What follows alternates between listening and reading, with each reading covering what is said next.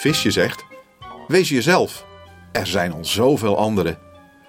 Je leest overal dat je gewoon jezelf moet zijn.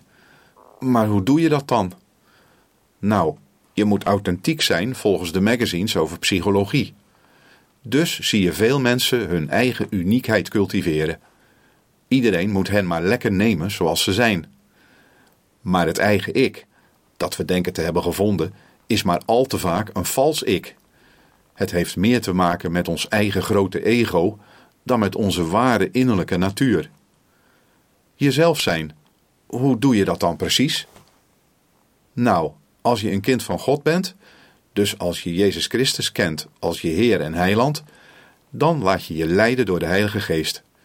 Je krijgt dan liefde, kracht en wijsheid. De vraag hoe je jezelf kunt zijn, raakt dan op de achtergrond. Als je zo leeft, volg je ook een oude raad op die in de Bijbel staat, in Spreuken 3, vers 5 tot 7. Vertrouw op de Heer met heel je hart. Steun niet op eigen inzicht. Denk aan Hem bij alles wat je doet, dan baant Hij voor jou de weg. Dan pas kun je echt jezelf zijn, aangesloten op onze machtige God. Wees jezelf en volg Jezus Christus.